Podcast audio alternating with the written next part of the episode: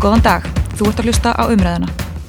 Svokallir netsik hafa sótt verulega í veðrið undan farin ár eða svo og við sjáum reglulega fluttar fréttir af háum upphæðum sem að tekist hefur að svíkja út úr einstaklingum og fyrirtækjum. Við sjáum lauruglífivald og fjármálastofnir vara reglulega við netsvikum og við þekkjum flest það að fá grunnsaleg SMS frá til dæmis postþjónustu þegar við eigum ekki vona að pakka. Til þess að ræða sem mál eru komin hér Brynja Marja Ólafsdóttir, sérfrængur í regluvöslu Landsbankans og Arun Björn Ólafsson, frangatstjóri upplýsingateknisins bankans. Ég heiti Karda Stríkastóttir. Landsbankin er fjármálafyrirtæki sem lítur eftirliti fjármálaeftirlitsins, nánari upplýsingar og lagalega fyrirvara má finna á landsbankin.is umræðan hlaður.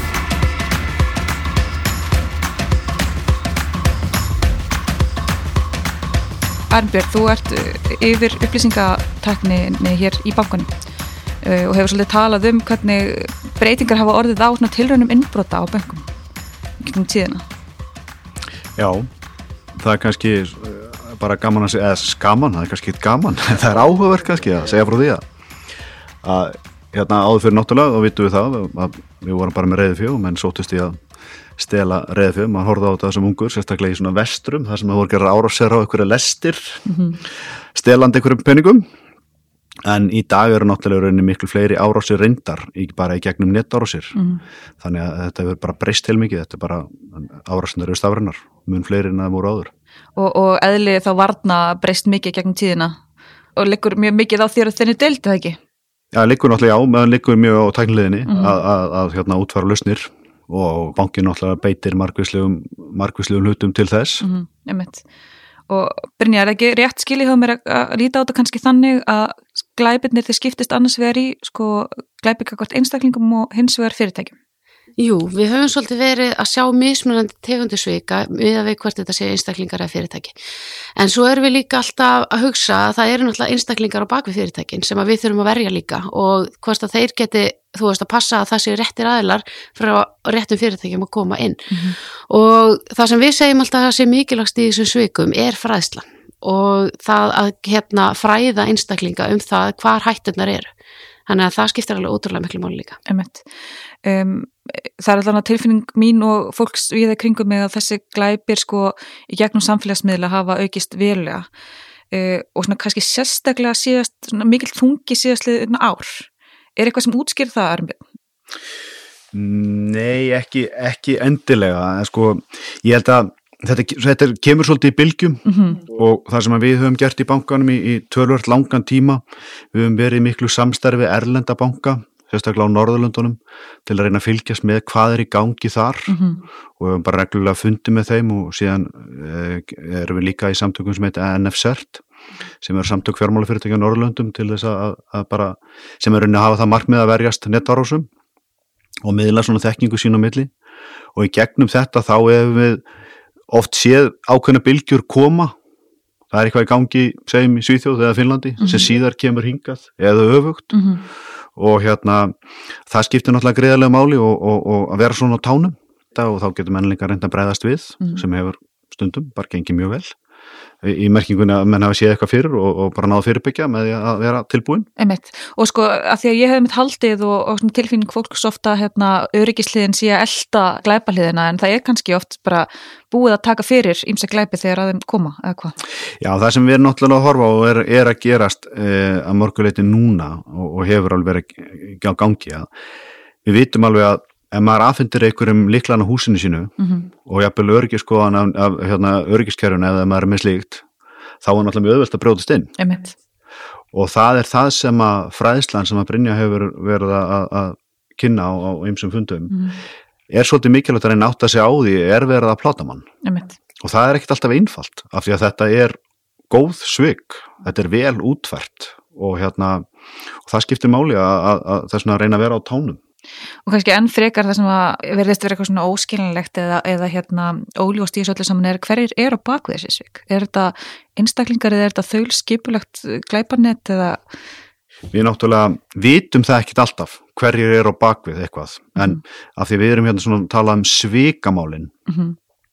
og þá er, þá er það yfirleitt bara netglæpa hópar sem eru bara í hagnaðavon mm -hmm. að hérna frangamessisk svik mm. og við vitum alveg að slíkir hópar eru margi hverju bara þaulskipulaðir glæpa aðlar, ekki lega þetta er bara fagaðlar frá með fingum að í raun og veru þannig að það er ekkert sem að bara þjálfa sér í því að reyna að svíkja þig út úr fólki mm. og hafa þann eina tilgang að plata fólk Já.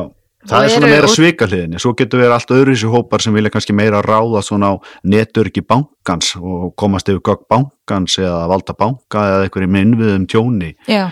Eins og er svolítið í gangi búið í gangi í Svíþóðundarfarna vikur að það sem er að vera ráðast á innvið þá, þá er það alltaf öðrum tóka Emmett að að það er rinni hægt að skipta þessu í þessar tvo hluta að það er þessi taknilega, það sem verið að ráðast á kerfi mm -hmm. og svo er það heimliðin, það sem er verið að ráðast á einstaklingin En svo skiptast kannski þessi einstaklings hérna, líka niður eftir svona aðferðum, ekki satt? Og kannski annaði eitt er þessi að fólk getur komist inn í heimabankaðin en hins vegar kannski þessar kreditkortafæslur eða kortafæslur. Akkurat, það er eiginlega svolítið hægt að horfa í söguna líka á þessu að því að hér áður fyrir þegar, við, þegar ég var að byrja í svo sínu tíma að það voru svikið þannig að, hérna, að það var í rauninni bara að vera að senda bref að þessi eins og við kallum þessi nýgurjöðsvik hvort sem að var verið að senda því tölvupósti eða jafnvel bara innum brefalöguna hjá fólki það sem að voru verið að bjóða fólki ykkur gullagranna skóa um það að ykkur hafi ert ykkur að peninga og þú ert beðin um að hjálpa honum að eignast þessu peninga aftur eða þá þessi ástabref það sem að einstaklingar voru reynd, að tæla þá til þess að verða ástvangnir á ykkurum út í heimi og hann ætlaði að flytja til þeirra til landsins og hérna og elska á lífinu. Mm -hmm. En nú erum við bara komin út í það að við erum komið samfélagsmiðla þar sem að aðgengi að personinni er miklu auðveldara. Þannig að þú getur bara haft sambandi gegnum Instagram eða Facebook eða Messenger þar sem er verið að reyna að bjóða þér alls konar hluti, hvað sem að tengist fjárfæstingum, eh, ástinni eða, eða að þú hefur unnið ykkur að hapadrætti eða lotteri mm -hmm. og hérna til þess að reyna að blekja út eða peninga.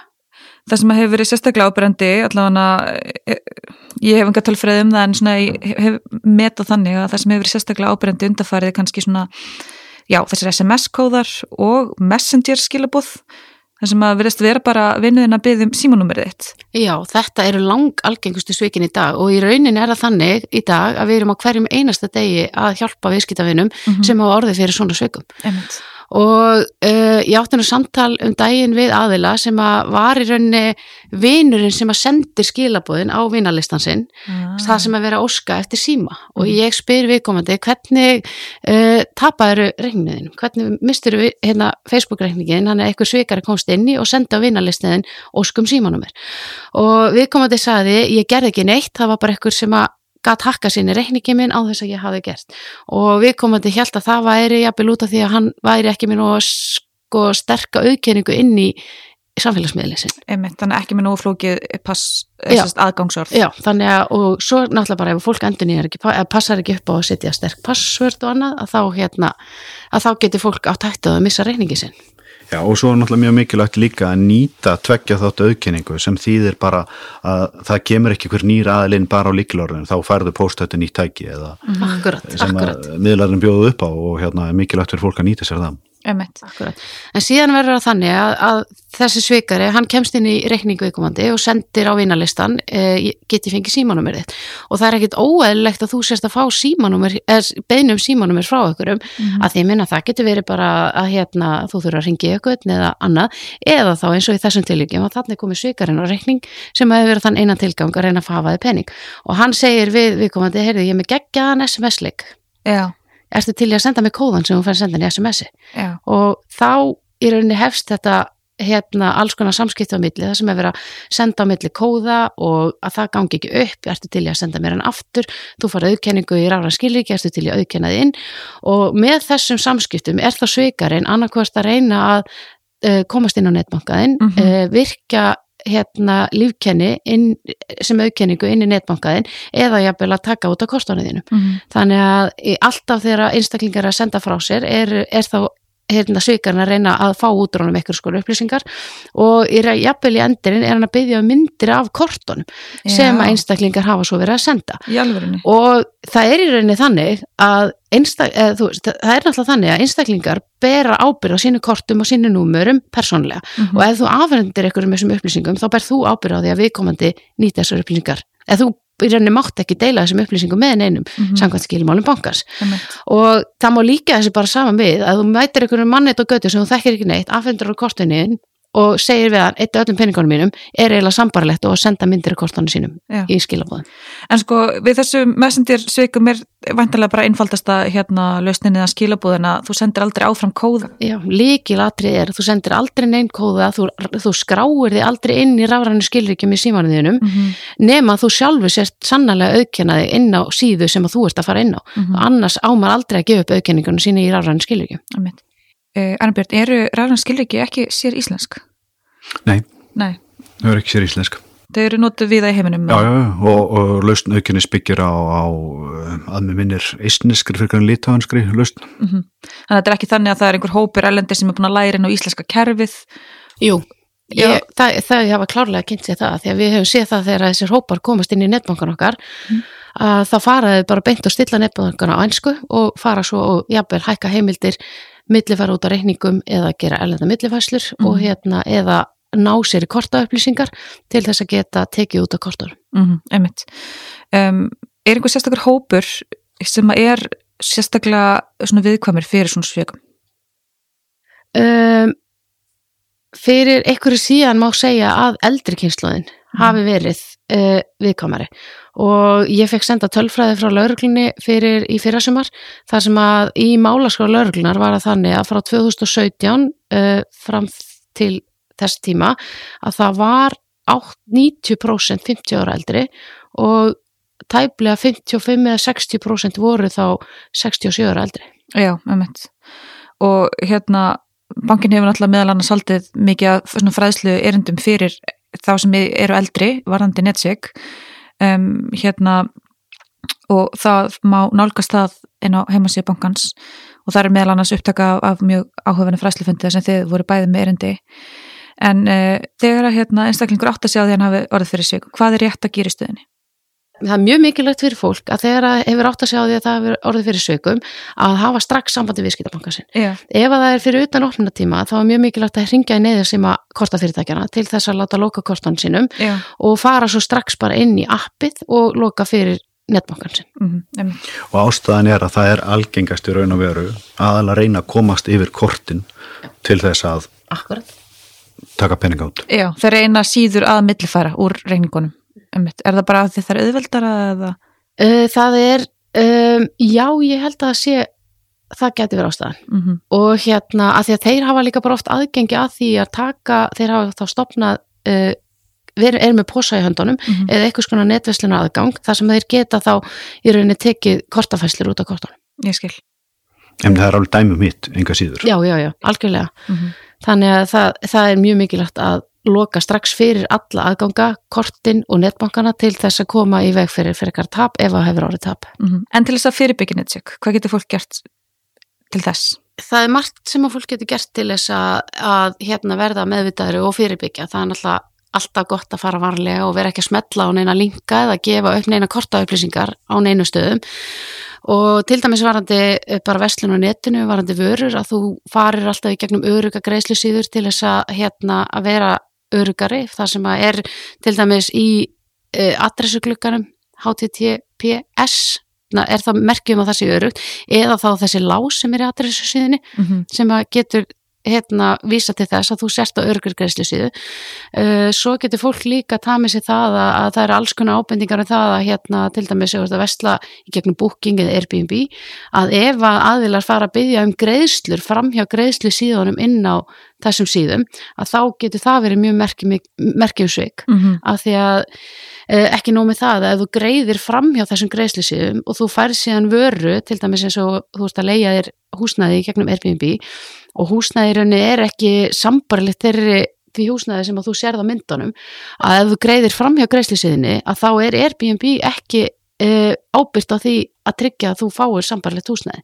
Eða jafnvel að þú komir að tómi kofanum og það er ekki húsnæði til staðar. En ef þú greiðir í gegnum Airbnb og kemur að það er ekki húsnæði til staðar að þá er Airbnb ábyrgt á því að útveða nýtt húsnæði. Þú veist, það er alls konar svona hluti sem að skipta ótrúlega miklu máli, ekki það að eigandi húsnæðis eh, sendir kannski á því ég skil mig geggja tilbúð fyrir því, þú bara fær 50% afsláttu og borgar mér inn í gegnum ennlanda millifæslu, Mhm. en það getur verið merkjum það að þetta sé aðili sem er bara reyna að plata þig Einmitt. en síðan er líka til dæmis eða þú veist einmitt með korta hérna kortafæslur að þú getur, hef, hefur möguleika að fara inn í appi hjá landsbankanum til dæmis að stillir þá í rauninni uh, vísakortið þitt eða debitkortið þannig að ef að það er að fara fram uh, ef að það er verið að vesla með kortinu án korts að þá færði SMS tilkynningu eða e-mail tilkynningu, tölupóst tilkynningu um það hvort það sé verið að nota kortið og það getur líka verið ákveði öryggi í því að við erum alltaf meðvitað um það að það sé verið að nota kortið þitt á netinu eða í erlendu veslunum. Það sem er svikarni beita stundum fyrir sig er að þegar fólk var senda hlekki og er vísað á okkur síður þá eru svikarni stundum að vísa fólki á rángasíðu sem þýðir einfallega það að ef ég er svikarinn og ég sendi þér hlekk og þú heldur að þú sért að vestla í tiltekinu vefveslun mm -hmm. að þá er ég mögulega bara með eitthvað falst, falska mynd sem að lítur svipað út eins og raunverulega síðan sem þú heldur þú sért á en ég er á bakvið að vestlaði eitthvað allt annari síðu.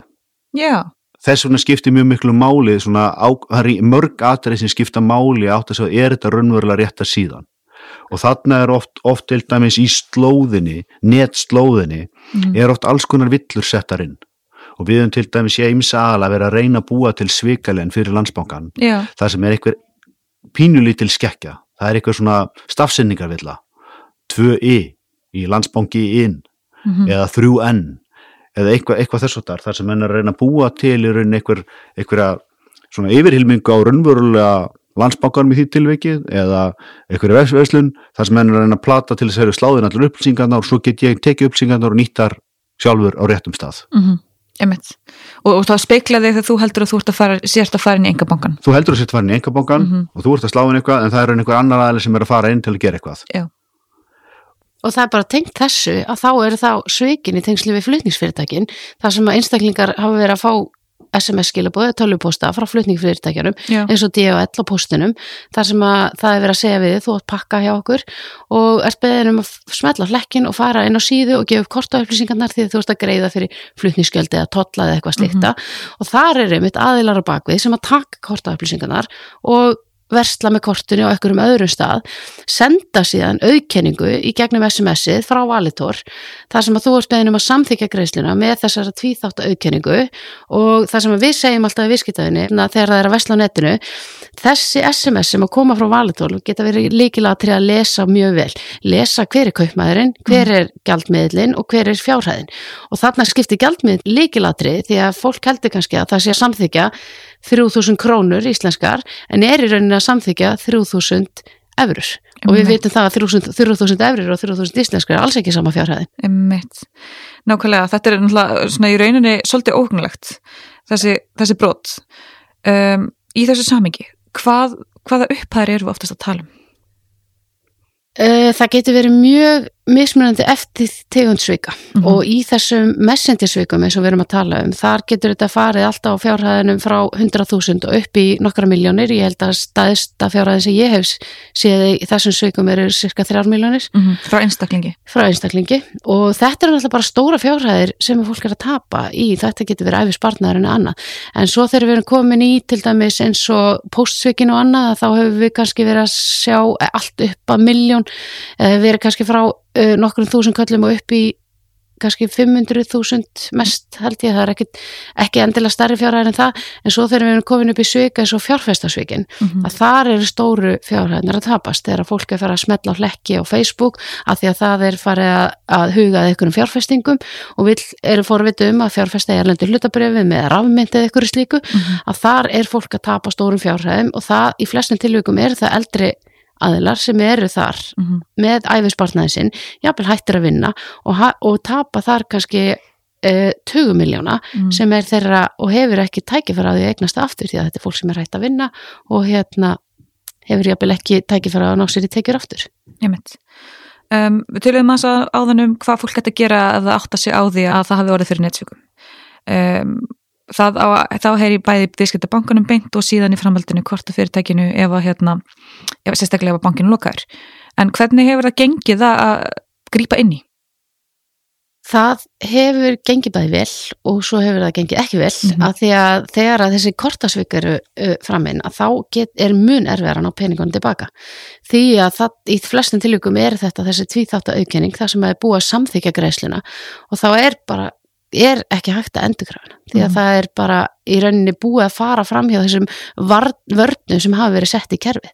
Þessum að þú gefur upp kortaupplýsingarnar og samþykir svo greiðslufyrirmælin á grundvelli upplýsinga um fjárhæð greiðslunar og svo hverju viðtakandi greiðslunar. Mhm. Í raun er það þannig að með þeim hætti er það búið að staðfesta við bankan að þú hefur viljað samþykja þessa greiðslu. Þannig að það í rauninni er þessi mannlegi hlutur að gefa upp kortaupplýsingarnar og samþykja er í rauninni þær varnir sem eru settar upp og í rauninni ekki hægt að endurkrafa. Ef að um erlendafæslur er ræða að þá getur skipt bara mínútu eða klukkutíma spursmáli um það hvort þið náum greiðslunum tilbaka þannig að það skiptir mjög miklu máli að hafa hraðarhendur til þess að hafa möguleika á því og við höfum getað náð slíkum fæslum tilbaka. Mhm. Og það er misjáft eftir, er það ekki hvert fæslun að fara, hvernig, hversu langan tíma bankin hefur til að grípa inn í? Jú, algjörlega. Það skiptir máli hvort að fæsl, í hvað gjaldmiðli fæslan er send. Ef þetta eru efri fæslur að þá gilda mjög uh, stífa reglur um það að við þurfum að, að senda peningarna fljótt uh, strax samdagus út úr húsi Mm. út af hefur greiðsluþjónustulögum og síðan ef þetta eru aðrir gjaldmiðlar eins og dólarar eða, eða danska krónur eða annað að þá höfum við aðeins meiri tímafaktor á því að reyna að ná greiðslunum tilbaka því að við þurfum ekki að afhenda þær fæslur eins hratt út úr eða þær eru aðeins lengur í pípunum í kerfunum að fara í, til bankan ælendis. Einmitt. Koma að sinna það hérna í ingangnum að þetta er að aukast, þetta er stóri aukast þessi, þessi netsök. Þú talaði líka um að, að þú verður að takast á við þetta náttúrulega hverjum degi. Mm -hmm. Hvernig sjáum við fyrir okkur að, að þetta geti þróast, heldur að fólk sé að læra inn á þetta? Ég held að, veistu, eins og við segjum, vatnið finnur sér alltaf farveg Mhm. í læknum og við finnum alltaf að lega við erum farin að stoppa í ekkur gött sem að svikararnir eru að fara í gegnum Mhm. og setjum ykkur á varnir í kerfunum okkar, þá finna þeir alltaf nýja leið á persónuna, hvernig get ég plataðan annað. Og í dag erum við að sjá mun meira til dæmis á kortasökum heldur en uh, erlendum millifæslum því að það verðist vera aðeins auðveldara að fá upp kortaupplýsingar frá einstaklingum heldur en að komast þá inn í netbanka eða, eða plata viðskiptafinni til þess að millifæra inn á svikarreikninga. Mhm. Þannig að það er verðist vera svolítið trendið í dag Mhm. en það geti bara breyst á morgun því að þeir geta fundið eitthvað nýja leiðir til þess að svíkja út úr okkur peninga.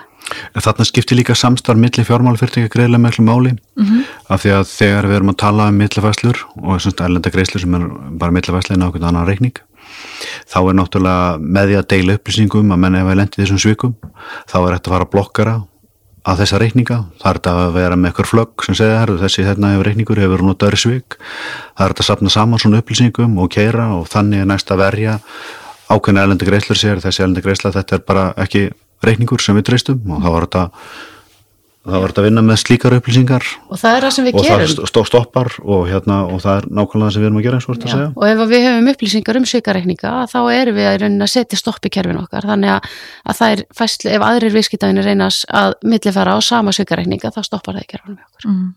Svo erum við að sjá hérna skilabóð frá mjög þakklagundri konu sem að fekk aðstóði í útibúi við að grípa inn í svona netarás hérna, sko, þannig að það er ekki bara það þarf ekki bara að ringja út í, í bankan, við skiltum bankan er líka eftir að mæta í útibú Já, það er að sjálfsögja að gera það líka. Ef að fólk hefur, er nálægt útibúinu þá er náttúrulega mjög mikilvægt að koma bara svæði líka en það er líka alveg hægt að taka upp síman eða senda okkur tölvupóst og, og við reynum að afgreða öll erendi mjög hratt. Eh, Svo er líka mikilvægt ekki bara að hafa sambandi við viðskiptabanka sinn, heldur líka að tala við laurugluna og kæra málið. Og, hérna, og við hvetjum fólk eindriði til að gera það. Hefur eitthvað á fólki að gera það?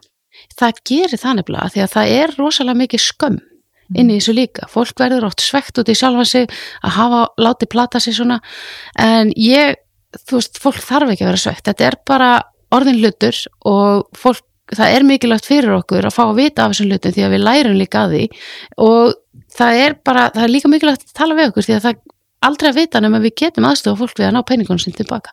Þannig að ef við drögum þetta aðeins saman þá áfram sendir þú aldrei kóða sem þú færið sendan með SMS-i á annan aðila Aldrei. Þú samþykir aldrei innskráningu í ráðranskilur ekki nema þú sjálfur sérst að, að skráði sannaleina og öruga síðu. Eh, Við skoðum vel hlekki um, og, og sölu síður sem við setjum korta upplýsingarnar okkar inn á og erum vakandi fyrir þessum upplýsingum sem koma í SMS-inu þegar við staðfestum greiðsluna Akkurat.